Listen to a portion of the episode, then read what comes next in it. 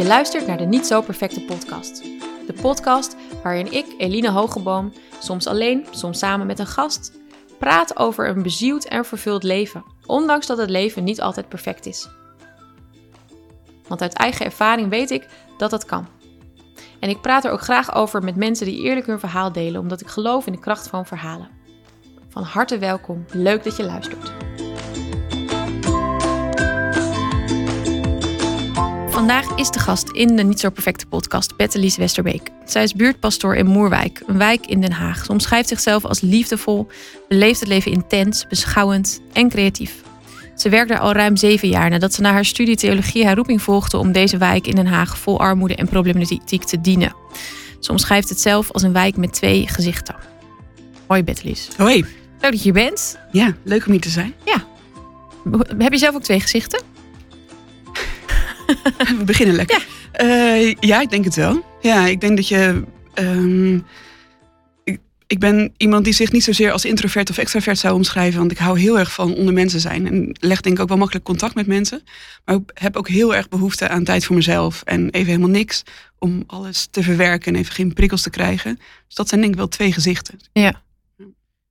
Maar voel je je wel, ja, dat, dat is allebei uh, jou, hè? Ik bedoel, dat, dat is wel één identiteit, neem ik aan, zoals je dat voor jezelf voelt. Ja, en het, het een heeft ook uh, heel veel te maken met het ander. Ja, snap ik, ja. Jij bent dus uh, ongeveer zeven jaar geleden na je studie theologie naar de wijk Moerwijk gegaan. Kun je eens iets over die wijk vertellen? Ja, het is een, een wijk aan de rand van Den Haag een naoorlogse wijk, dus in de wederopbouw van Nederland toen uit de grond gestampt, omdat er heel snel nieuwe woningen gebouwd moesten worden. En ook wel een beetje met die energie van hé, hey, we uh, een nieuwe start, we gaan er iets van maken. Voor die tijd hele mooie, um, lichte, uh, ruime woningen en een woonwijk met heel veel groen, binnentuin en dat soort dingen. Waar toen um, eigenlijk alle ambtenaren kwamen wonen. Alleen al heel snel kwamen er veel betere huizen, veel grotere huizen en vertrokken al die mensen uit die buurt. En nu zie je dat het eigenlijk de wijk is waarin, nou ja, als je um, in een crisis zit of um, als je net nieuw in Nederland komt of je eerste huis zeg maar in de sociale huur krijgt, dat je daar terecht komt. Het grootste gedeelte van de buurt is sociale huur. En dat brengt ook een hoop um, problemen met zich mee. De, de, huizen zijn eigenlijk heel slecht nu. Hmm. Toen heel goed gebouwd, maar niet voor de eeuwigheid. Dat merk je heel goed. En de opeenstapeling van problemen in die wijk is enorm. En dat nou ja, op een fundament van heel veel armoede. En dat zorgt ervoor dat die wijk een beetje voelt als een moeras. Het heet ook Moerwijk. Moer staat ook voor moeras. Het is gebouwd op veengrond, drassige grond. Uh, de huizen zitten ook vol met schimmel. Maar het voelt ook als een omgeving die je echt naar beneden kan trekken als het al niet goed met je gaat. Ja. En jij dacht, ik heb theologie gestudeerd. Ik wil daarheen. Hoe, hoe, hoe, hoe ging dat? Wat gebeurde daar? Nou, ik was uh, na mijn studie aan het werk als uh, um, in een soort leerwerktraject in een, een Utrechtse kerk, waar vooral hoogopgeleide uh, juppen en studenten kwamen. Uh, wat ik ook met veel liefde deed, maar ik merkte ook, volgens mij gaat mijn hart hier, als ik kijk naar mijn leven, waar wil ik mijn leven voor inzetten, dan is dat niet per se deze groep mensen. Er zijn heel veel andere mensen die dat heel goed kunnen.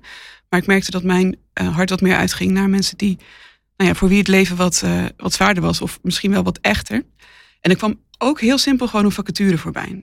ik dacht ook, ik, ik ben opgeleid tot predikant, ik weet niet of ik dat wel wil.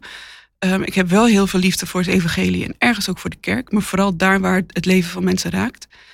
Um, ik wilde niet alleen maar over praten, maar ik wil het ook graag doen. Nou, toen kwam er een pioniersplek um, in wording langs in Moerwijk en daar ben ik toen uh, heb ik op gesolliciteerd. Ja. Ik vind het ook wel leuk dat je dat zegt van, want het klinkt hoe jij dit zegt eigenlijk toch als een soort van roeping. Je, hè, jij voelde je aangetrokken tot een bepaalde doelgroep eigenlijk.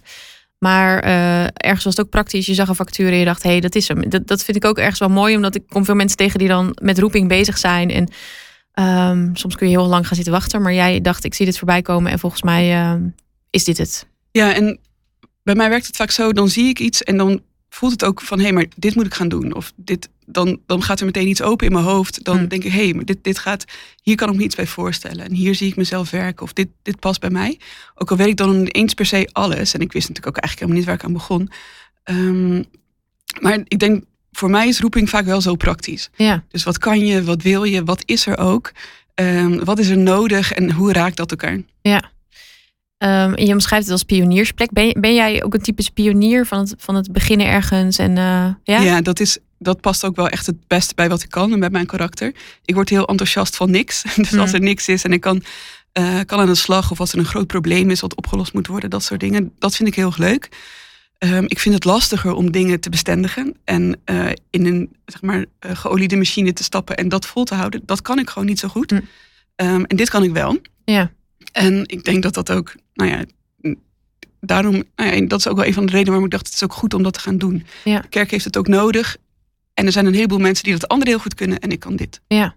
En, en hoe is dat nu na zeven jaar? Want voor een pionier is op zich zeven jaar natuurlijk heel lang. Of voelt het nog steeds als, als pionieren? Nou, het is eigenlijk al langer dan zeven jaar. Ik denk dat het al bijna acht jaar is. Ja, um, ja tuurlijk wordt het anders. Um, er, ons, er, is een gemeenschap gegroeid die natuurlijk ook om meer structuur vraagt. Um, er is, ja, we hebben een heel netwerk opgebouwd in de buurt.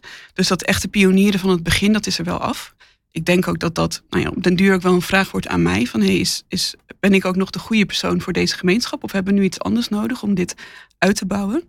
Tegelijkertijd is het ook een hele flexibele en vloeibare vorm van kerk zijn die we hebben.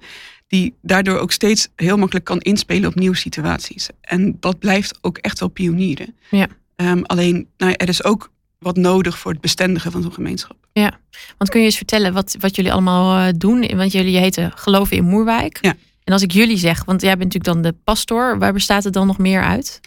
Ja, wij hebben niet een soort ledenregistratiesysteem of zoiets. Ik denk dat, um, nou ja, als pastor ben ik wel de aanjager en daaromheen er is een groep, denk een groep mensen van 30 à 40 mensen die gewoon eh, structureel betrokken zijn.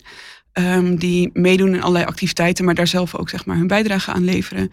Um, en daaromheen is er nog een veel grotere groep in de buurt die uh, meedoet of op, in een van onze uh, locaties komt of uh, bij de voedselbank of op, op die manier zeg maar betrokken is. Ja. En ja, vaak is het, het grapje is een beetje van, je kijkt naar de appgroep, wie zit er daarin? Dat geeft een beetje aan mm. zeg maar, waar onze gemeenschap uit bestaat. Ja. ja. En jullie zijn heel praktisch, hè? Jullie, jullie ja. zijn heel erg veel aan het helpen. je noemde al voedselbank, tuinen hebben jullie? Ja, we noemen ons een, een, een huistuin en keukenkerk. En dat is Um, dus aan de ene kant omdat het dus super praktisch is wat we doen, hoe we, hoe we ons geloof vormgeven. Uh, en aan de andere kant omdat dat ook is waar, waar het leven zich afspeelt. Hè? In je huis, je tuin en in je keuken. En waar het evangelie ook raakt. En waar we als kerk ook aanwezig willen zijn.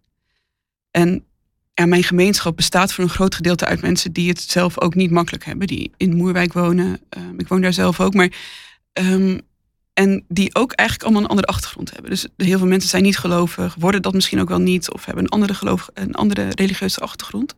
Maar we vinden elkaar wel heel erg in het um, voor elkaar zorgen en voor onze buurt zorgen. En dat doen we inderdaad bijvoorbeeld door een voedselbank of door een buurtuin waar mensen kunnen komen, waar we pizza's bakken, um, door een, een weggeefwinkel. Maar ook door een gemeenschap te bouwen waar mensen onderdeel van kunnen zijn, die vervolgens voor elkaar kunnen zorgen. En uh, waarin je in ieder geval niet alleen door het leven hoeft, maar mm -hmm. mensen hebt om dat samen mee te doen. Ja. Is dat het belangrijkste, het samen, samengevoel? Wat is, wat is echt je missie? Ja, die is, um, nou, die is gelaagd, denk ik. Aan de ene kant, ja, die gemeenschap is denk ik het belangrijkste. Maar die gemeenschap is geen doel op zich. Ik denk dat die ook in staat is bepaalde dingen te doen. Uh, namelijk ook aanwijzen van, hey, maar wat is er nou, weet je, wat voor onrecht zien wij nou in onze samenleving? Wat raakt deze gemeenschap nou? Waar lijden deze mensen onder? Um, wat kunnen wij daar zelf aan doen? Hoe kunnen wij hierin voor elkaar zorgen? En kunnen we ook een voorbeeld geven van hoe het anders kan? Dus het is, heeft ook iets profetisch in zich. Dat is voor een deel ook wel mijn rol, om ook aan te wijzen van, oké, maar hier gaat het in onze samenleving mis. Dit zie ik op deze manier terug in, onze, um, in mijn gemeenschap. En daar moet wat aan gebeuren. Ja, kun je iets noemen? Wat, wat zie jij dat er misgaat? Ja, wij hebben in. Um, kijk, in Moerwijk zijn er een aantal belangrijke dingen. Je ziet dat er heel veel misgaat in huisvesting. Um, wij hebben dus voornamelijk sociale huur. Daar is natuurlijk veel te weinig van. De kwaliteit van die huizen is super slecht. Er is weinig in geïnvesteerd. Um, dat zorgt voor hele ongezonde leefomgeving voor mensen. Dus de gezondheidsproblemen zijn ook gewoon groot in de buurt. Tegelijkertijd zie je dat de zorg natuurlijk duurder wordt. Het eigen risico hoger wordt. Mensen gaan soms gewoon niet naar de dokter omdat ze het niet kunnen betalen. We leven wel in een omgeving die hun ziek maakt. Nou ja, die energiearmoede op dit moment, dat is bij ons echt een heel groot probleem. Ja. Um, meteen, dat is al heel lang een probleem. Het is nu een nog groter probleem. Um, dat soort dingen, bijvoorbeeld de participatiewet, een mooie, uh, maar zeg maar, hoe mensen in de bijstand behandeld worden, wat ze wel en wat ze niet mogen, hoeveel geld ze krijgen, hoeveel ze mogen bijverdienen. Um, ja, dat zijn hele praktische mm. dingen, maar die spelen een enorme rol, of die veroorzaken heel veel stress ja. in Moerwijk en in mijn gemeenschap. Ja. Ja, dus eigenlijk ook bijna politieke dingen. In die zin bedoel, bedoel jij denk ik ook uh, profetisch als dat je dingen aan de kaak stelt, onrecht. Um, ook, ook wil laten zien van hé, hey, er gaat hier uh, niet bij deze mensen mm. iets mis, maar er gaat iets op landelijk niveau uh, ook mis. Ja, want je ziet natuurlijk vaak, of tenminste wat ik vaak merk, is dat, uh, dat er over mensen ge gesproken wordt alsof het hun eigen schuld is dat ze in die situatie beland zijn. En dat de oplossing daarvoor ook vaak in hun eigen gedrag ligt. Mm. Terwijl ik zie dat er zoveel um, nou ja, systemen in werk zijn die er juist voor zorgen dat mensen ook vast blijven zitten in, um, in hun situatie. Ja. En kijk, gelukkig ben ik niet de enige die dat, uh, die dat zegt. En zie je op dit moment ook wel een beweging in de samenleving waarin dat in ieder geval ook aangewezen wordt. Mm -hmm. Oplossingen zijn er nog niet altijd, maar het wordt in ieder geval erkend. Ja. Dat scheelt al een hoop. Maar ik denk wel dat het belangrijk is dat ik of dat wij als gemeenschap dat ook blijven doen. Ja. Nou ben jij daar middenin gaan wonen, want jij woont zelf ook uh, in Moerwijk. Ja. Ook in, heb je ook een slecht geïsoleerd huis of is, zit jij wel warm? Nou, ik heb op veel verschillende plekken gewoond in Moerwijk. Um, ook wel een tijdje in een van de uh, portiekflats. Um, en dat was wel echt een heel slecht geïsoleerd huis. Ja, en ook wat in de winter of in de zomer echt bloedheet werd. Mm. Um, en in de winter heel koud. Ja. ja. En hoe is dat om zo ja, midden in, in je werk. Ja, zie jij dit als werk of is het inmiddels een soort je leven? Hoe, hoe is dit voor jou? Een combinatie. Het is absoluut mijn leven. Ik bedoel, de mensen in mijn gemeenschap zijn ook onderdeel van mijn leven. Mm -hmm. um, maar het is natuurlijk ook mijn werk. Ik ben niet altijd op dezelfde manier beschikbaar. Zeg maar. Ik ben af en toe ook niet aan het werk. Ja. Maar als ik niet aan het werk ben, ben ik altijd nog wel gewoon onderdeel van die buurt en onderdeel van die gemeenschap. Heb je daar dan duidelijke grenzen in of zo? Ben je wel eens niet aanspreekbaar? Of hoe, hoe werkt zoiets? Nou ja, ik, op dit moment woon ik um, iets meer aan de rand van de buurt. En dat helpt heel erg. Want ik heb dus wel ook die afstand soms nodig om gewoon een beetje tot rust te kunnen komen. Mm. Uh, ik heb ook een tijdje uh, boven een van onze eigen locaties gewoond. Nou, dat was eigenlijk niet te doen. Mm. Um, dat moest toen even, want ik had geen andere plek om te wonen. Uh, maar toen woonde ik er te veel middenin. Toen was er geen onderscheid meer van wanneer ik aan het werk was. Dat was ook tijdens corona, dus toen was de crisis ook echt enorm. Um, dus dat heb ik wel geleerd. Toen zat ik er te dicht op. Ja. En dan kan ik op het moment dat ik er moet zijn, ook niet helemaal zijn. Mm. Als ik niet kan opladen, dan ben ik ook niet beschikbaar op de momenten dat het nodig is. Ja, ja ik heb over jou gelezen een hele mooie, mooie uitspraak van um, dat je juist in de chaos eigenlijk op zich goed kunt functioneren omdat je ADHD hebt. Ja. Is dat zo? Ja, ik ga heel goed op crisissituaties. Oké. Okay. Omdat mijn brein iets minder goed is in het um, um, in, in de repeterende handelingen en dingen die steeds terugkomen. Maar juist, um, kijk, chaos en crisis is eigenlijk een soort van wat er altijd gebeurt, zeg maar, in mijn hoofd en hoe ik het leven helemaal uh, benader. Dus op het moment dat dat gebeurt, dan staat bij mij alles op scherp. Ja. en dat is heel fijn. Is natuurlijk ook wel eens vermoeiend. Uh, want je kan niet altijd in crisissituaties zitten. Je moet ook af en toe gewoon nou ja, de kalmte van het leven opzoeken. Ja. Uh, maar het zorgt er wel voor dat ik mij in zo'n buurt als Moerwijk met het werk wat ik doe heel goed op mijn plek voel. Ja. Mooi eigenlijk. Want jij, uh, ik heb je ook gezien dat je het omschrijft als een handicap, ADHD. Ja. Ik wil het er ook wel met je over hebben, want ik, ik merk dat het best wel een ding is wat speelt, ook bij volwassenen. Ja. Ik kom het best wel veel tegen, ook bij uh, vrouwen van mijn leeftijd. Um, ja, hoe, hoe, wanneer ben jij erachter gekomen? Wat is voor jou, was jij als kind al, was het duidelijk dat je ADHD had? Of?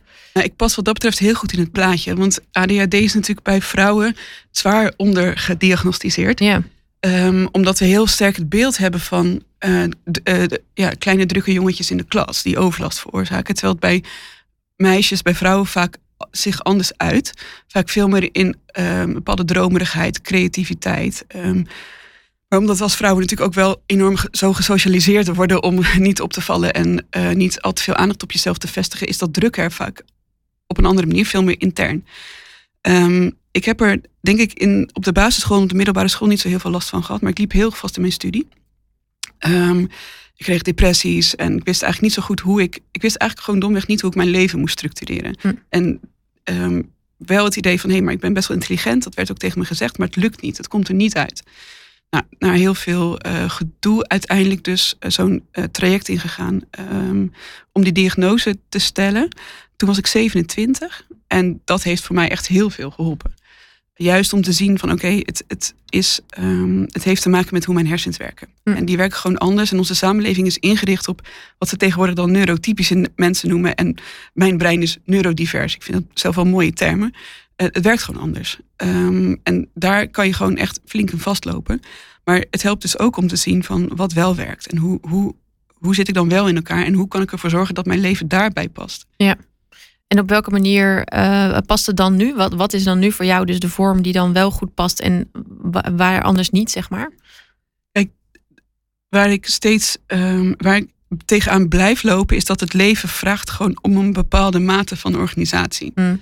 Um, als het gaat over um, nou ja, een bepaalde stabiliteit in je huishouden, in je inkomen. Maar ook in het onderhouden van vriendschappen en dat soort dingen. Dat vraagt, en dat, dat blijft mij altijd moeite kosten. Mm. Het helpt om dat aan te geven, om daar hulp bij te organiseren. Om ervoor te zorgen dat er bepaalde uh, gebieden zijn die, nou ja, waar ik niet in mijn eentje de verantwoordelijkheid voor draag. Maar het werk wat ik bijvoorbeeld doe, past heel goed bij uh, mijn ADHD. Ja. tegelijkertijd kan ik daarin, moet ik daarin ook mensen om mij heen hebben die dus dat deel wat ik niet kan wel kunnen doen. Dus het, het zorgt er wel voor dat ik, ik moet wel echt goed om hulp vragen. En ook duidelijk zijn over wat ik wel en wat ik niet kan. Ja. En dat is soms, nou ja, dat, dat kan ik soms wel en soms niet. Ja. Wat om hulp vragen bedoel je? Nou, maar ook om daar zonder oordeel over te zijn naar mezelf toe. Mm. Dus niet te denken van hé, maar ik moet dat wel kunnen ik moet toch als volwassen persoon in staat zijn mijn eigen huishouden te, te runnen. Of ik moet toch in staat zijn de roosters een keertje op tijd te maken. Of ervoor te zorgen dat um, ik op tijd een berichtje terugstuur. Of niet iemands verjaardag vergeet. Zeg maar dat soort dingen. Dat zijn natuurlijk soort kleine uitingsvormen. Maar die ergens wel verwacht worden van een volwassen vrouw. Ja, daar zijn heel veel dingen die kan ik gewoon niet. Mm Um, ik bedoel, ik heb ook niet het geld om daar een uh, persoonlijke assistent voor in te huren of een secretaresse. Dat zou lekker zijn. Dat zou zo fijn zijn. Echt, ik zou daar zo goed op gaan. Ja. Maar ja, dat kan gewoon niet. Nee.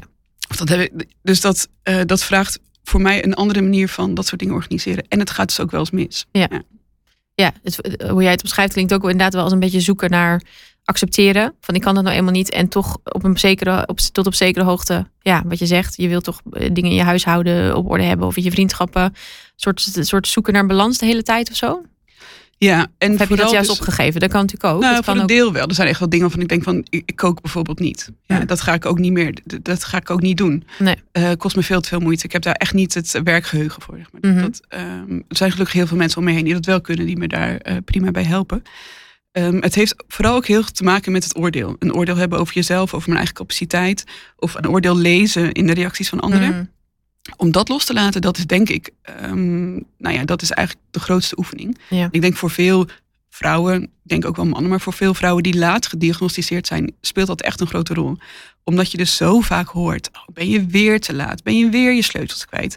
Zit niet zo te dromen? Heb je het nou, heb je het allemaal nu weer niet voor elkaar? Zeg maar, mm. die, die afwijzing Um, als ik vertel aan mensen dat ik ADHD heb en dat ik daar mijn sleutels kwijt ben of wat dan ook, dan um, hoe vaak ik wel niet hoor, ja, maar ja, je moet gewoon je sleutels altijd op dezelfde plek neerleggen. En denk ik, oh, echt hou je mond. Ik bedoel, je bedoelt het vast goed, maar je hebt mm. zo niet door waar dit over gaat. En hoe lelijk het dus eigenlijk is wat je zegt. Want mijn, ik beleef het leven anders dan jij. En dat is oké. Okay.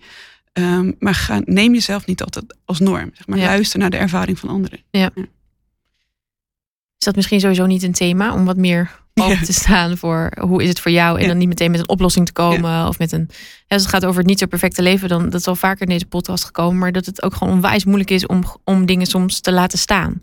Ja en om ook de ervaring van iemand als uitgangspunt te nemen. Ik denk dat we heel snel geneigd zijn ook dat merk ik ook bijvoorbeeld als het gaat over wat voor invloed bijvoorbeeld armoede heeft op het leven van mensen. Als ik daarover vertel dan Ehm, of als mensen die dat zelf aangaat daarover vertellen, worden er heel snel vragen bij gesteld. Ja, maar we hebben toch gewoon een bijstandsuitkering. Of ja, maar terwijl ik denk, neem nou gewoon het verhaal van iemand even als uitgangspunt. Ga daar niet allemaal vragen bij stellen. Ga jezelf niet lopen indekken. Hmm. Eh, maar luister gewoon naar wat het is. Ja.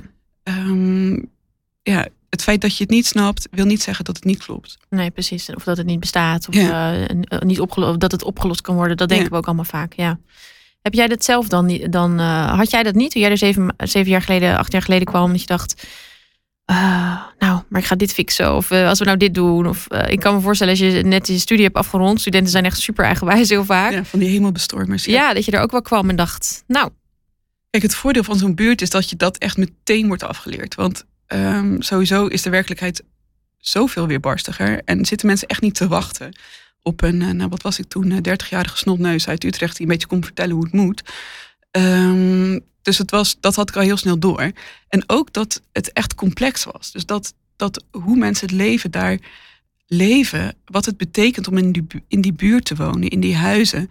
Um, dat ik dacht van ja, volgens mij, ik moet daar beginnen. En het voordeel was, ik had natuurlijk ook nog geen programma. Uh, ik had geen kerkdiensten die ik moest draaien. Ik had geen kringen die ik moest doen. Er was eigenlijk feitelijk nog niks. Nee, dus ik, om iets te kunnen doen, moest ik ook eerst gewoon veel in gesprek, veel luisteren, koffie drinken, aanwezig zijn en het levensgevoel van die buurt meekrijgen. Mm. En ik ging er zelf natuurlijk ook wonen. Ik had helemaal geen sociaal netwerk in Den Haag. Dus ik was zelf ook aangewezen op de mensen die ik daar leerde kennen. Um, en dat hielp heel erg. Om vanuit die ervaring dus aan het werk te gaan. Ja. Dat, dat leerde je meer eigenlijk openstaan? Of meer, ja, je hebt eerst eigenlijk geluisterd. Ja, ja. vragen gesteld, geluisterd, um, rondgekeken. Ook gewoon af en toe gewoon, ja, alleen al, dat zeg ik ook wel eens tegen mensen die bezig zijn met kerkvernieuwing. Van, um, ben je wel eens een hele dag bij je kerkgebouw? En wie komen er dan allemaal? En hoe wordt, wordt dat gebouw zeg maar beleefd door de buurt? Of, uh, want als je er alleen maar op donderdagavond en op zondagochtend mm. bent, dan heb je maar een beperkte, uh, een beperkte ervaring van hoe het leven zeg maar rondom zo'n kerk is. Ja.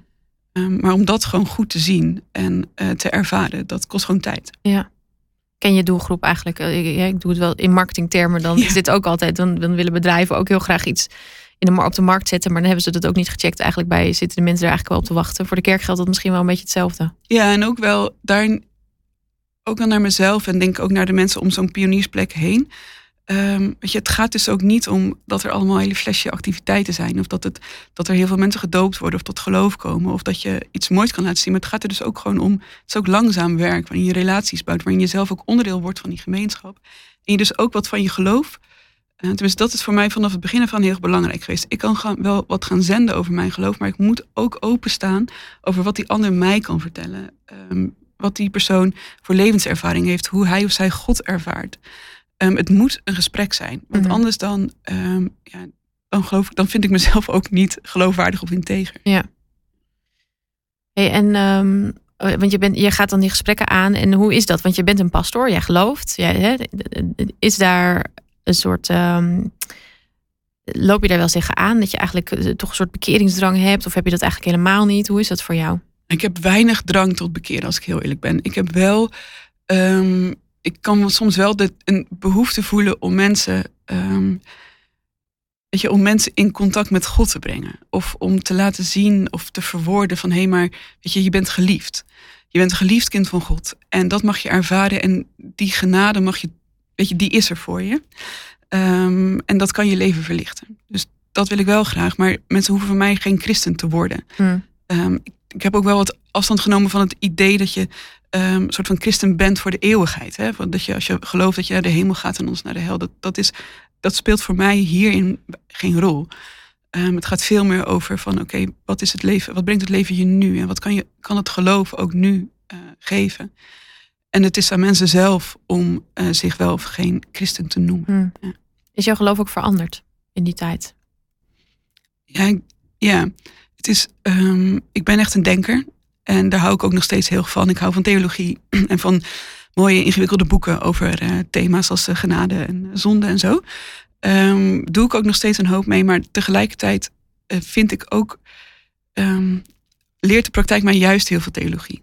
als, als je ziet, daar maakt het echt verschil. Als ik dus zie dat het in iemands leven daadwerkelijk verschil maakt of die zich in genade aangenomen voelt, ja of nee als je net uit de gevangenis komt en je leven moet opnieuw beginnen. En je hebt een enorm oordeel over jezelf en, en je voelt het oordeel van die samenleving. Maar er is ook een gemeenschap waar je onderdeel van kan zijn, die in ieder geval oefent om dat oordeel niet te hebben. Ik zeg niet dat het er niet is, mm. waar je in ieder geval kan zeggen van hé, maar dit willen wij niet. En jij mag gewoon onderdeel zijn van onze gemeenschap en jij hebt ons ook wat te bieden. En niet alleen maar andersom. Ja, dat geeft wel aan hoe krachtig dat evangelie is en hoe, hoe dat soms ook ingaat tegen hoe we uh, als samenleving de boel met elkaar geregeld hebben. Mhm. Dus dat maakt mij ik ben wel veel meer de waarde van het geloof ingezien. En vooral ook in de waarde van geloofsgemeenschappen. Ja, het klinkt ook hoe jij dit nu omschrijft. Dat ik denk, ja, eh, dat zou Jezus zou daar ook zijn. Die, hè, die, die zou ook bij de mensen willen zijn die net uit de gevangenis komen. Ik zie het zo voor me als hij nog op aarde was, dat hij daar voor de, voor de deur stond om mensen op te vangen. Ik denk ook dat Jezus bij, het belast, bij de Belastingdienst zou langsgaan. Net als mm. die Levi, de tollenaar, uit zijn hokje riep. Ja. En zei: Volg mij. Dat hij ook, uh, ook daar waar onze systemen op dit moment heel mm vastlopen zou zijn, om daar ook mensen um, eigenlijk vanuit te roepen uh, ja. een andere weg op. Ja. Ja, en een van de, van de problemen die, die hierdoor ook veroorzaakt worden, die we steeds meer gezien, is ook de, de steeds grotere tegenstelling hè, tussen arm en rijk. En dat die kloof steeds groter wordt. En Nou, ik herken zelf een beetje dat um, ik woon zelf uh, in een nieuwe wijk, heb ik al eerder in deze podcast gezegd, uh, in een dorp. Uh, waar het allemaal heel netjes is en waar het ook heel wit is. En waar de armoede niet op straat zichtbaar is, hè, om het maar even zo te zeggen, die vast echt wel achter de deuren zichtbaar is. Um, ik heb ook in Kanaleiland gewoond, dus ik, ik, heb ook in andere wijken gewoond. Dit is niet mijn leven, maar ik merk wel op het moment dat je zelf toch, ja, ik, ik kan niet ontkennen, maar in een bubbel terechtkomt. Um, dan wil je wel die bubbel over hè, uitbreken of je wilt die kloof overwinnen, hoe je het maar zegt. Maar dat is ingewikkeld. Want je gaat elke dag weer terug naar, naar die wijk. Ja, oké, maar weet je, dat snap ik heel goed hoor. Ik, denk ook dat de. Um... Kijk, maar zo'n wijk als Moerwijk is ook een bubbel. Ja, maar dat is natuurlijk weer een, aan de andere kant uh, ja. is dat ook een bubbel. En ik denk ook niet dat je die bubbel alleen maar kan doorbreken door bijvoorbeeld in een ik, ik, zeg niet dat iedereen in Moerwijk moet gaan, wonen. Maar ik denk wel dat het van belang is dat je kijkt. Zeg maar, op welke manier heb ik invloed om dus die groeiende kloof in de samenleving te overbruggen. In het werk wat je doet. In Den Haag bijvoorbeeld werken, uh, werken en wonen ontzettend veel mensen op ministeries. Hmm. Uh, of op, het, op de een of andere manier uh, beleidsmakers. Die zitten ook in kerken. Um, die hebben invloed op Ehm, op het beleid. Die, hebben, mhm. die kunnen op die manier zeg maar, een bijdrage leveren aan het overbruggen van die kloof. En zo kan iedereen dat, denk ik, op zijn of haar eigen manier. En hoe zouden zij dat kunnen doen? Door, want je zegt die zitten in kerken, dus door in, in die kerken bedoel je een rol te spelen of door juist, op het ministerie hun nee, juist, te laten geven? Juist op, op de plek waar je werkt en waar je woont. Mhm. En waar je je kinderen naar school brengt en uh, wat je je kinderen leert. Uh, met wie je kinderen wel niet mogen spelen. Uh, hoe, je, hoe je je eigen geld besteedt. Um, weet je, ben je in je leven vooral bezig met, uh, met risico mijden? Of durf je het ook wat losser te leven? En bijvoorbeeld je huis en je gezinnen kunnen echt enorme. Um, kunnen, zijn heel, vaak heel op zichzelf gericht en naar binnen gekeerd. Wat logisch is, want je moet ook goed voor je kinderen zorgen, dat is belangrijk. Maar er zijn ook heel veel mensen die daar ook behoefte aan hebben, maar dat niet hebben. Dus weet je, kan je ervoor zorgen dat dat, dat, dat wat jij hebt in je gezin, aan liefde, aan, aan veiligheid, aan stabiliteit, kan je dat ook delen met anderen. Hmm. Op een manier die bij jou past. Ik bedoel, dat kan zijn door pleegkinderen in huis te nemen, maar het kan ook gewoon zijn door mensen af en toe uit te nodigen om met je mee te eten. Maar zie je dat wat jij hebt gekregen, uh, dat, hoeft nog niet eens, hoef je nog niet eens aan God toe te besteden, maar dat wat je hebt, um, dat heb je niet alleen maar voor jezelf. Ik denk dat je dat uiteindelijk hebt om te delen. En dat kan iedereen doen. Dat kan je ook doen in je uh, in een, uh, in een dorp. Als je er maar van bewust bent dat jouw leven niet de norm is. En dat, als het, dat het leven voor heel veel mensen echt een stuk ingewikkelder en moeilijker is. En dat we dat wel met elkaar doen. Ja, ja en ergens mooi wat je zegt van dat delen, dat, dat deel ik heel erg ook. Dat, dat probeer ik ook. Um, en tegelijkertijd um, is het ook denk ik soms wel nodig om het um, te zien. Om ook mensen te zien. Weet je, ik heb bijvoorbeeld recent, uh, er was een groep vluchtelingen in ons dorp neergestreken. En um, daar taalles aangegeven. En ik merk hoe verrijkend dat is. En dat klinkt meteen weer zo. Ja, ik vind het dus ook altijd heel lastig, snap je? Want het voelt dan ook altijd. Ja, ik ben uit mijn bubbel gekomen om dat te doen, snap je? Het voelt altijd meteen ongemakkelijk. Zo bedoel ik het echt niet. Maar het heeft me juist zelf. Het was ook echt. Weet je, dan ging ik daarheen. Ik fietste daarheen met mijn zoontje elke woensdagochtend. En het was echt heel erg leuk en gezellig. We hadden het gewoon heel leuk. We bleven daar ook altijd nog lunchen. En. Uh, het was een hele leuke groep mensen die daar zaten. En die uh, ja, ook echt met elkaar een gemeenschap vormden. Hoe ingewikkeld het ook was. Uh, maar ik merkte ook hoe. Um, nou ja, snap je, voor mij dus ook om te zien van. Um, uh, dat was ook heel erg in de tijd dat in Ter Apel die mensen buiten sliepen. En dat zie je dan alleen maar op, op nieuws. En dan denk je wel eens ook wil erheen. En dit voelde voor mij ook als een manier. Oh, nu kan ik dichtbij iets doen. Weet je wel? Dus gelukkig eindelijk. Maar ook om me dus ja, en dit klinkt dus misschien raar, maar om het dus ergens ook te aanschouwen en te zien van, ja, zo is het dus echt, weet je wel. En uh, dit klinkt alsof ik heel wereldvreemd ben, nooit in aanraking kom. Dat is natuurlijk niet zo, maar het is wel, naar mijn idee en voor mijn gevoel ook belangrijk om je wel te omringen met mensen die, die niet zo leven als jij, om het maar even zo te zeggen. Dat brengt uiteindelijk ook, uh, ook heel veel. Ja, dat denk ik ook. En um, het is alleen Um, ik denk dat het, volgens mij is juist die spanning die jij benoemt. Hè? Dat je zegt van ik ga daar dan naartoe en dan ga ik iets doen. En volgens mij is het, is het juist van belang om dus heel veel van dat soort spanningen op te zoeken in je leven. Uh, dus waar het, want dat is ook oncomfortabel van jezelf, voor jezelf. Het stelt allemaal vragen aan je eigen uh, motieven. En aan je mo uh, waarom doe je iets? Doe je dat voor een ander of doe je dat omdat het goed voelt? Um, doe je dat omdat je dan omdat je denkt dat het moet, is het plichtsbesef. Maar ehm, ik denk dat, dat zo'n spanning ons vooral niet moet tegenhouden, omdat je dat juist moet opzoeken. Want daar gebeurt het uiteindelijk vaak ook. Hè. Daar worden ook de vragen gesteld aan jou: van waarom doe je dit en wie ben je? Wat is nou van waarde in jouw leven? En, en, en wat doe je op het moment dat het inderdaad iemand voor je deur staat? Ja. Ik denk dat wij ook wel, dat is in, in onze samenleving in het groot, maar dat zie ik ook in het klein terug. Durven we ook nog verantwoordelijkheid te nemen voor het leed van een ander? Dus als er iemand voor je deur staat, ehm, ja, durf je dan te zeggen van oké, maar uh, kom maar binnen. En niet om alles van iedereen over te nemen, maar we zijn heel erg bezig met um, ja, maar iemand, ja, je, je, kan, wel wat geld geven, maar uh, het is allemaal beperkt. Hè? Of iemand mag wel even bij me logeren, maar wat dan? Hè? Ik ga niet de hele tijd voor iemand zorgen. Of, uh, nou ja, de overheid doet dat ook. Um, weet je, dus durf je ook nog te zeggen van oké, maar wij dragen, en daar hebben we volgens mij geloofsgemeenschappen voor nodig. Dat mm. moet je namelijk niet alleen doen. Wij dragen zorg voor deze persoon. Wij nemen een bepaalde verantwoordelijkheid voor deze persoon. En dat betekent dat we misschien met z'n allen heel lang financieel moeten bijdragen. Of dat je bijvoorbeeld um, iemand in je midden opneemt die ongedocumenteerd is. Mm -hmm. En waarvan je weet, geen idee of hij, hij of zij ooit een verblijfsvergunning krijgt. Maar wij blijven betrokken. We lopen niet weg als het moeilijk wordt, want het wordt moeilijk.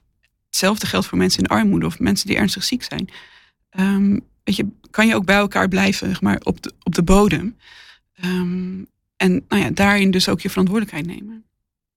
Hoe doe jij dat? Hoe voelt dat voor jou? Want jij maakt ook situaties mee dat het heel moeilijk is. Hoe zorg je dan dat, je, dat jij blijft, dat je niet wegloopt? Wat helpt je erbij? Het helpt om. Um, ja, op een gegeven moment. Kijk, ik, um, nou, het helpt dus om een gemeenschap te hebben. Dus om te weten dat um, in de afgelopen tijd heeft er iemand bij mij in huis gewoond. Een, een jonge vrouw van 29 met een, uh, met een kind. Autistische jongen. Ze kwam uit het land van herkomst uh, is, was ze weggegaan.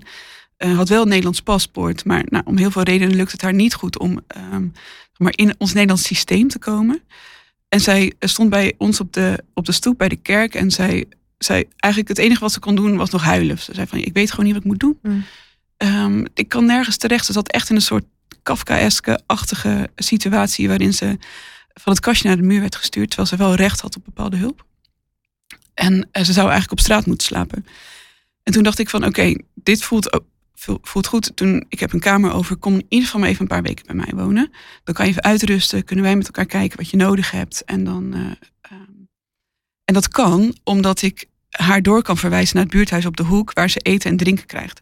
Waar ze kleren krijgt, dat ik een vriendin van mij kan bellen die uh, bij de gemeente werkt, die weet hoe dat systeem werkt bij dat dakloze loket. Dat er iemand anders is vanuit de diaconie die mij dan vervolgens dat extra ondersteunt, zodat ik mijn, uh, mijn energierekening kan betalen. En um, uh, omdat, nou ja, ze komt uit een warm land, dus het was hartstikke koud in die weken. Weet je, omdat je dan dus een heel systeem om je heen hebt van mensen die dus kunnen helpen, dan is het ook voor mij mogelijk om die verantwoordelijkheid te nemen. Ja. En ook op een gegeven moment te zeggen van oké, okay, ik kan dit drie weken. Daarna moeten we even verder kijken. Um, dus ook bewust te zijn van wat je, wat je kan. En daar ook wel eens de grens voor op te, op te mogen zoeken hoor. Ik bedoel, je hoeft niet, het hoeft niet altijd comfortabel te zijn. Hmm. Um, het, ik denk dat dat het, um, dat dat vooral, ja, doe het met elkaar. Ja, ja. Ja, dus echt de kracht van de gemeenschap en um, het, het, het, samen doen. Ja, ja netwerk en, hebben ook. En wees dus ook niet al te bang om gewoon soms de geldschieter te zijn. Mm. Ik merk ook wel dat mensen daar soms wat uh, voorzichtig in zijn. Hè? Dat ze zeggen van hé, hey, maar ik wil wel graag bijdragen, maar niet zomaar geld overmaken, want dat is zo, uh, zo makkelijk. Dan denk ik, ja, dat is wel makkelijk misschien, maar het is ook heel nodig. Mm -hmm. er zijn, als ik naar mijn gemeenschap kijk, dat zijn heel veel mensen die bijvoorbeeld in de bijstand zitten. Of die op de een of andere manier, uh, of in de schuldsanering of, of een heel laag inkomen hebben. Die hebben wel heel veel tijd die ze inzetten. Uh, maar ze hebben, we hebben wel heel vaak geldtekort. Ja. En dan is het heel fijn als er kerken zijn, bijvoorbeeld, die ons financieel steunen. Of die bijvoorbeeld geld in een bepaald fonds storten, wat wij zelf kunnen beheren, waardoor we heel direct hulp kunnen bieden. Ja. En dan is het misschien makkelijk, mm -hmm. maar dat is wel wat nodig is. Ja, het helpt anderen weer uitdelen. Ja. Praktisch, ja. Ja, en dat is het. Wees dus ook niet altijd degene die, um, wat wij ook wel tegenkomen, dat is misschien ook wel eens goed om te noemen. Zijn mensen die dus um, heel graag goed willen doen, maar wel op hun voorwaarden. Mm. Die dus bij mij aankloppen en zeggen, hey, Bettelies, doet echt supergoed werk, ik wil je heel graag helpen.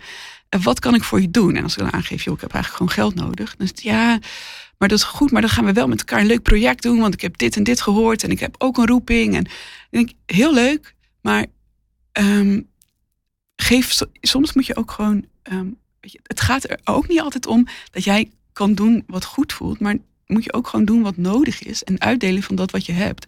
En soms is dat dus ook gewoon domweg geld overmaken. Of iets kopen of iets aanschaffen. En tuurlijk mag je dan betrokken zijn bij wat wij doen. Maar we gaan niet doen wat jij wil, omdat jij nou eenmaal degene bent met het geld. Ja. Mag je dus ook wel iets kosten, letterlijk en figuurlijk soms. Ja, en dus soms ook het ongemakkelijke, het mag dus ook gewoon het ongemakkelijke gevoel opleveren van hé, maar nu ben ik de geldschieter. Ja, dan ben je maar de geldschieter, want jij bent degene met het geld. En ik kan jou wel een projectje laten doen bij mij, maar dat werkt helemaal niet, want je mm. kent de mensen hier helemaal niet. Ja. Um, dus als je echt wil helpen, dan is dat soms ook gewoon de meest eenvoudige manier. Ja.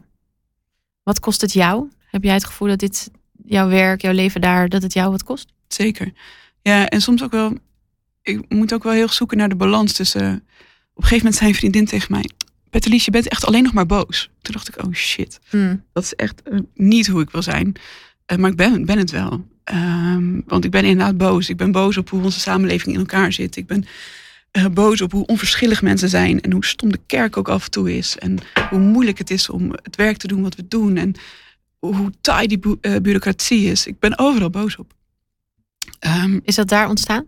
Ja, hm. dat is wel echt daar ontstaan. Ja, dat had ik daarvoor niet. Ik ben sowieso wel. Um, nou ja, dat je dus vertrouwen kan hebben in dat het goed gaat in het leven, in je eigen leven. Dat was ik echt wel een beetje aan het verliezen. En nog steeds wel. Er, moet, er komt iets anders voor in de plaats. Maar Um, want het gaat gewoon heel vaak niet goed. Dat geldt voor iedereen hoor. Ik bedoel, er is niemand eh, bij wie het leven perfect is. Maar we hebben het echt wel in de laatste jaren. Is het echt, ja, is het alleen maar, eigenlijk alleen maar zwaarder geworden. En is de armoede toegenomen en, en, en lopen dingen steeds meer vast. En dan, um, nou ja, het, het, het, op een gegeven moment was ook mijn hoop wel een beetje weg. Ehm, mijn eigen leven bevond zich ook in een crisis. Ik lag in een scheiding. Ik had geen plek om te wonen. Um, de financiering van onze kerk hield op, waardoor ik ook geen salaris had. Dus en alle, toen kwam corona, weet je, mm. alle, crisis op crisis. Ja, maar oké, maar um, ja, kost het me dan niet te veel? Hè? Van mm. wat mag het me, uh, me kosten en hoe, hoe kom ik hier ook weer uit en hoe kom ik hier ook bovenop? Ja. En toen? Wat heb je gedaan na die opmerking van die vriendin? ja, dat was echt heel goed van haar. Ja, toen heb ik ook wel gewoon gekeken van oké, hoe kan ik nou die, die verontwaardiging die ik voel, die woede nou omzetten in iets anders? Hoe kan ik weer terug naar dat gevoel, zeg maar, wat je in het begin in die biografie over mij zei, van dat liefdevolle. Want ik, dat is wel echt hoe ik leef en hoe ik wil zijn. Maar ik ben ook heel intens, dus die, het kan ook zomaar boosheid worden. Um, maar hoe kom ik weer terug in de liefde en kan ik ook vanuit daar, zeg maar, de dingen benaderen? En dan kan er, is er nog wel plaats voor woede want, of voor verontwaardiging, maar dan is het wel liefdevol. Dat kan ook gewoon boos zijn, maar dan is het wel echt vanuit een andere bron. Heilige woede. Ja, en die niet alles verterend is. Hè? Want als je aan woede ga je zelf op een gegeven moment gewoon aan, dan ga je gewoon aan kapot. Ja. ja. Dus je bent aan het oefenen om, om die, dat liefdevolle weer meer naar boven te halen? Of waar hou je dat dan vandaan? Nou ja, deels door gewoon voor mezelf meer stabiliteit te creëren. Um, ik heb ook gewoon weer nu gewoon weer een eigen rustige plek om te wonen. Dat helpt een hoop. Maar ook om, om mijn eigen financiën bijvoorbeeld goed te regelen. Dus er wel voor te zorgen dat ik zelf niet ook de hele tijd stress ervaar. Ja. Want als dat zo is en ik zit ook nog in een buurt die de hele tijd stress ervaart. Ja, dan kan ik eigenlijk mijn werk niet goed doen. Dat heb ik wel, uh, wel gemerkt. Ja. Ook mensen om me heen te hebben met wie ik gewoon leuke dingen doe. Um, dus ook naast, ik kan ergens helemaal induiken. Ik kan helemaal in zo'n buurt. Um, maar er is ook leven daarnaast. En het goede leven, wat ik graag wil dat mensen in Moerwijk hebben, dat is ook het leven wat ik zelf moet leiden. Dus dat is niet alleen een leven in verontwaardiging, in woede en in tekort. Dat is juist ook met um, lieve mensen om je heen, met schoonheid, met mooie dingen, met rust. Um, ja, dat. En om dat ook voor mezelf weer uh, vorm te geven. Uh, nou ja, ik heb ook een afgelopen jaar heb ik een half jaar even heb ik een half jaar niet gewerkt. Um, dat kon, dat was heel fijn. En dat heeft heel geholpen om even die rust weer terug te vinden en vanuit dat um, startpunt weer uh, aan het werk te gaan. Ja. Ik kan me ook echt voorstellen als je al bijna acht jaar dit doet en er zo in zit en onderdeel van bent, dat je ja, dat even afstand misschien soms ook goed is om weer even ja. terug bij jezelf te komen. En, uh... Ja, ook om te, om te beseffen van oké, okay, mijn geluk en mijn, um, mijn welzijn is niet één op één verbonden met deze buurt en met deze mensen. Ja. Wel voor een groot gedeelte, maar er is ook meer dan dat. Is dat sowieso niet, um, tenminste, hoorde Kees Kraaienoord ook een tijdje zoiets. Die was ook op een sabbatical gezegd gegaan om, hè, om ook weer zichzelf een soort, nou ja, ik wil niet hem woorden in de mond leggen, maar hij legt het wel iets uit van, joh, het doet wel iets met je als je onderdeel bent van een kerk en of misschien daar ook de voorman of voorvrouw van bent. Uh, misschien sowieso voor mensen die dus een kerk leiden, um, een risico om je identiteit misschien ook wel daar ergens um, ja, zo in te leggen of bijna te verliezen. Het, ingewikkelde vind ik soms ook dat de. Kijk, we hebben ook. Er zit, iets, er zit een soort kramp in hoe wij, denk ik, met leiderschap omgaan in de, in, de, in de kerk. Aan de ene kant vragen we dit ook van mensen. Hè? Als ik ook kijk naar hoe aan die pioniersplekken bijvoorbeeld, hè, en, en, dat soort dingen zijn vormgegeven, dat vraagt ook om mensen die dus met hun hele leven, dat zit ook heel erg in de theologie, ergens gaan wonen. Er is altijd geld tekort voor het salaris van mensen. Ja. Maar er wordt wel verwacht dat je gewoon vijf dagen in de week werkt, maar je krijgt er twee dagen voor betaald. En dan vervolgens staan we ook aan de kant en zeggen we ja, maar ja, weet je, je vereenzelvigt je wel heel erg met je werk. En kijk je wel uit voor de goede werk, uh, uh, werkbalans. Denk ja, mm. Ik snap het. Het is allemaal heel goed bedoeld advies en het klopt. Maar er zit dus ook iets mis in de verwachtingen die we hebben. En de manier waarop we dus ook naar kijken. Misschien moeten we het ook gewoon meer faciliteren dat mensen dus dat kunnen doen. Ja. Dus de personen die dat kunnen en die dat willen, uh, dat die ook de ruimte hebben om te gaan. En ook dus zich hun leven te verbinden met het werk wat ze doen. Maar zonder dus vervolgens ook nog de hele tijd stress te moeten ervaren over hun inkomen en over um, of ze wel de goede resultaten laten mm -hmm. zien, zeg maar, als het gaat over. Een perfect leven leiden. Ja. Ja, vlekkeloos. Ja, en, en tuurlijk moet je ook als, als juist als, als, ge, als je geestelijk leiding geeft, daar heel bewust van zijn. Hè? Van, van is, wil ik nou dat deze persoon zeg maar, tot geloof komt, omdat het dan goed staat op mijn, in mijn verhaal? wil ik dat deze pioniersplek doorgaat, omdat ik anders zes jaar van mijn leven geïnvesteerd heb in iets wat, ja, in wat eigenlijk, wat in rook opgaat. Mm. Gaat dat omdat het, gaat het om mij daarin? Of gaat het, omdat het, of gaat het om, uh, om de gemeenschap of om de mensen die, uh, die hier zijn? En dat is altijd een spanningsveld voor iedereen, denk ik. Um, maar dat is wel een belangrijke vraag. Ja, ja. ja. mooi. En nou is het vandaag ook nog uh, 40 dagen tijd. En nu wij dit opnemen niet, als het uitkomt wel. Hoe beleef jij dat uh, normaal gesproken? Wat, wat, doe jij iets speciaals? Uh, leef jij echt naar Pasen toe? Of hoe, hoe doe je dat? Nou, ik ga dit jaar volgens mij voor het eerst carnaval vieren. Dus daar ben ik ook heel erg benieuwd Is dat een ding? En, nee, niet in Den Haag, niet. toch? Nee, nee, oh, met, zeggen. nee, met iemand anders. in, het, in het zuiden. Maar um, ja, de 40 dagen tijd. Nou ja, dat carnaval vieren, dat heeft er wel mee te maken. Want ik denk dat um, die soberheid van die 40 dagen, die is denk ik van belang. Um, voor iedereen, voor onze samenleving, voor mij als persoon, om, om, om te kijken naar mijn leven en te zien van oké, okay, wat, weet je, waar zit, waar kan ik ruimte maken voor bezinning? Waar kan ik ruimte maken voor God? Uh, ruimte voor misschien wel voor mezelf. Um, maar tegelijkertijd gaat het denk ik ook om het evenwicht. En gaat het dus ook een jaar of twee geleden volgens mij um, gezegd van ik ga nu, wat toen was tijdens corona, ik ga, ik ga niet sober leven, want het leven is gewoon al heel erg sober. Er is niks. Mm. Weet je, we, toen zaten we ook in, uh, hadden we ook de avondklok en zo. Ik dacht, ik ga gewoon 40 dagen feest vieren. Want dat is wat we nodig hebben. Dat is wat onze gemeenschap nodig heeft. Um, en dat is waar we ons in moeten oefenen. Want dat kunnen we niet meer. We zijn het aan het verliezen. We zijn het gewone samen zijn. Het um, zorgeloos leven zijn we aan het kwijtraken. En we hadden al zo weinig zorgeloos leven. Um, en daar vind ik dus die 40 dagen tijd een hele goede nou ja, eigenlijk een goede tijd voor om je dat te beseffen. Van oké, wat ben ik aan het verliezen als ik zo doorga?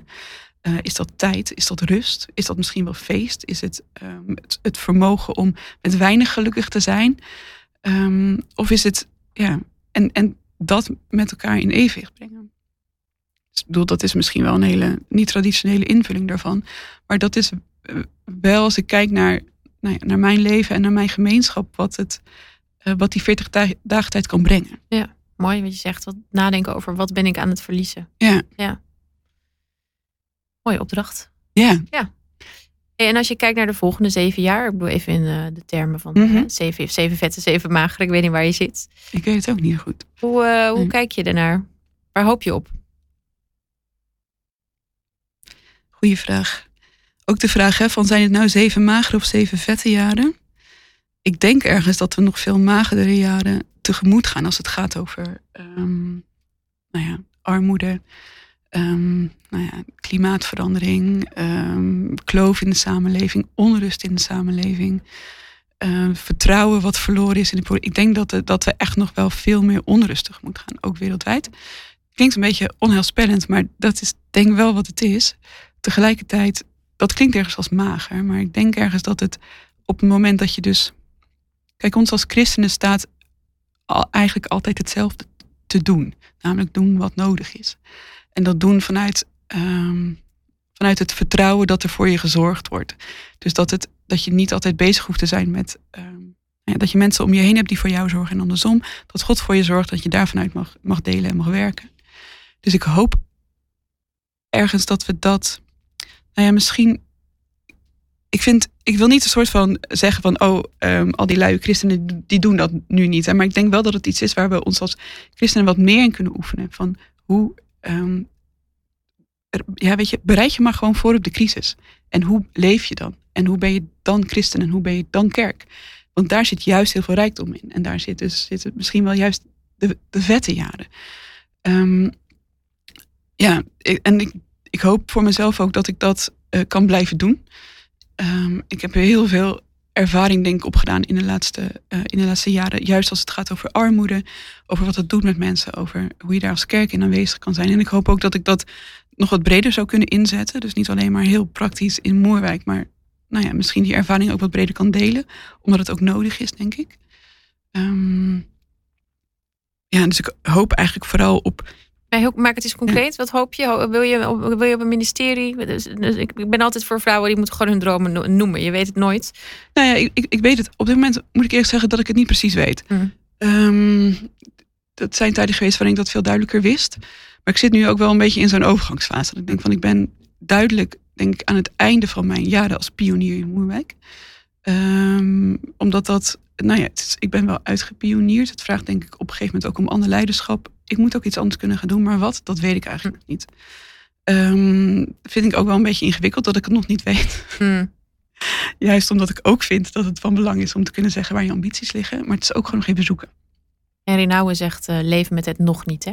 Vind ik ook altijd wel mooi. Ja, als in. Als in dat je het soms dus nog niet weet. Of dat het er nog niet is. Of dat het soms uh, even bij je moet zijn. Ja, en dat dat dus ook de uiteindelijk geeft me dat zelf denk ik ook de ruimte om te zien nou ja, wat er dan wel komt. Ja. Hey, mooi. Je hebt mooie lessen meegegeven, Betelies. En uh, zegen voor wat je daar doet. Dank je. En uh, dank je wel dat je hier was. Graag gedaan. Thanks. Vandaag start de 40 dagen tijd, 22 februari. En dat betekent dat we weer een tijd ingaan van uitzien naar de opstanding van Jezus.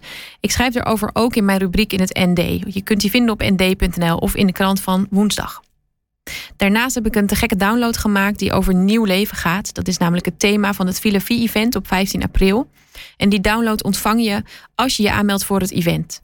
En die download die bevat vier momenten om tijdens de 40 dagen tijd te doen. Een moment van iets lezen, een mooi liedje en een kleine opdracht.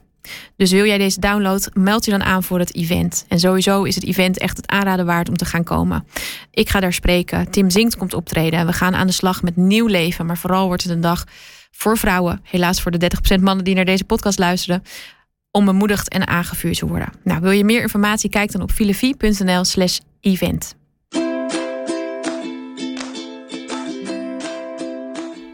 Wat onwijs leuk dat jij hebt geluisterd naar de Niet Zo Perfecte podcast. Ik hoop dat deze podcast je weer even een andere blik heeft gegeven op je imperfecties en je falen. Maar dat het je ook heeft geïnspireerd om te genieten van het leven. Misschien wil je wel verder lezen? Dan kun je bijvoorbeeld mijn boeken Not So Perfect of Filosofie lezen die ik heb geschreven over deze lessen. En wil je nog een slagje dieper gaan? Overweeg dan eens de Filosofie Academy. Dit is een intensief programma van drie maanden waarin ik je leer hoe je ermee omgaat als het leven niet zo loopt als je had gedacht. In 12 online modules ontdek je wat een bezield leven dicht bij jezelf en bij God inhoudt. In de Filosofie Academy ga je aan de hand van je levenshuis, met daarin de kamers werk, gezondheid, vrije tijd, relaties en delen aan de slag met jouw leven. En maak je keuzes om nu eindelijk eens af te rekenen met het gevoel dat je het niet goed genoeg doet of niet genoeg bent. Kijk op filosofie.nl slash academy voor meer informatie.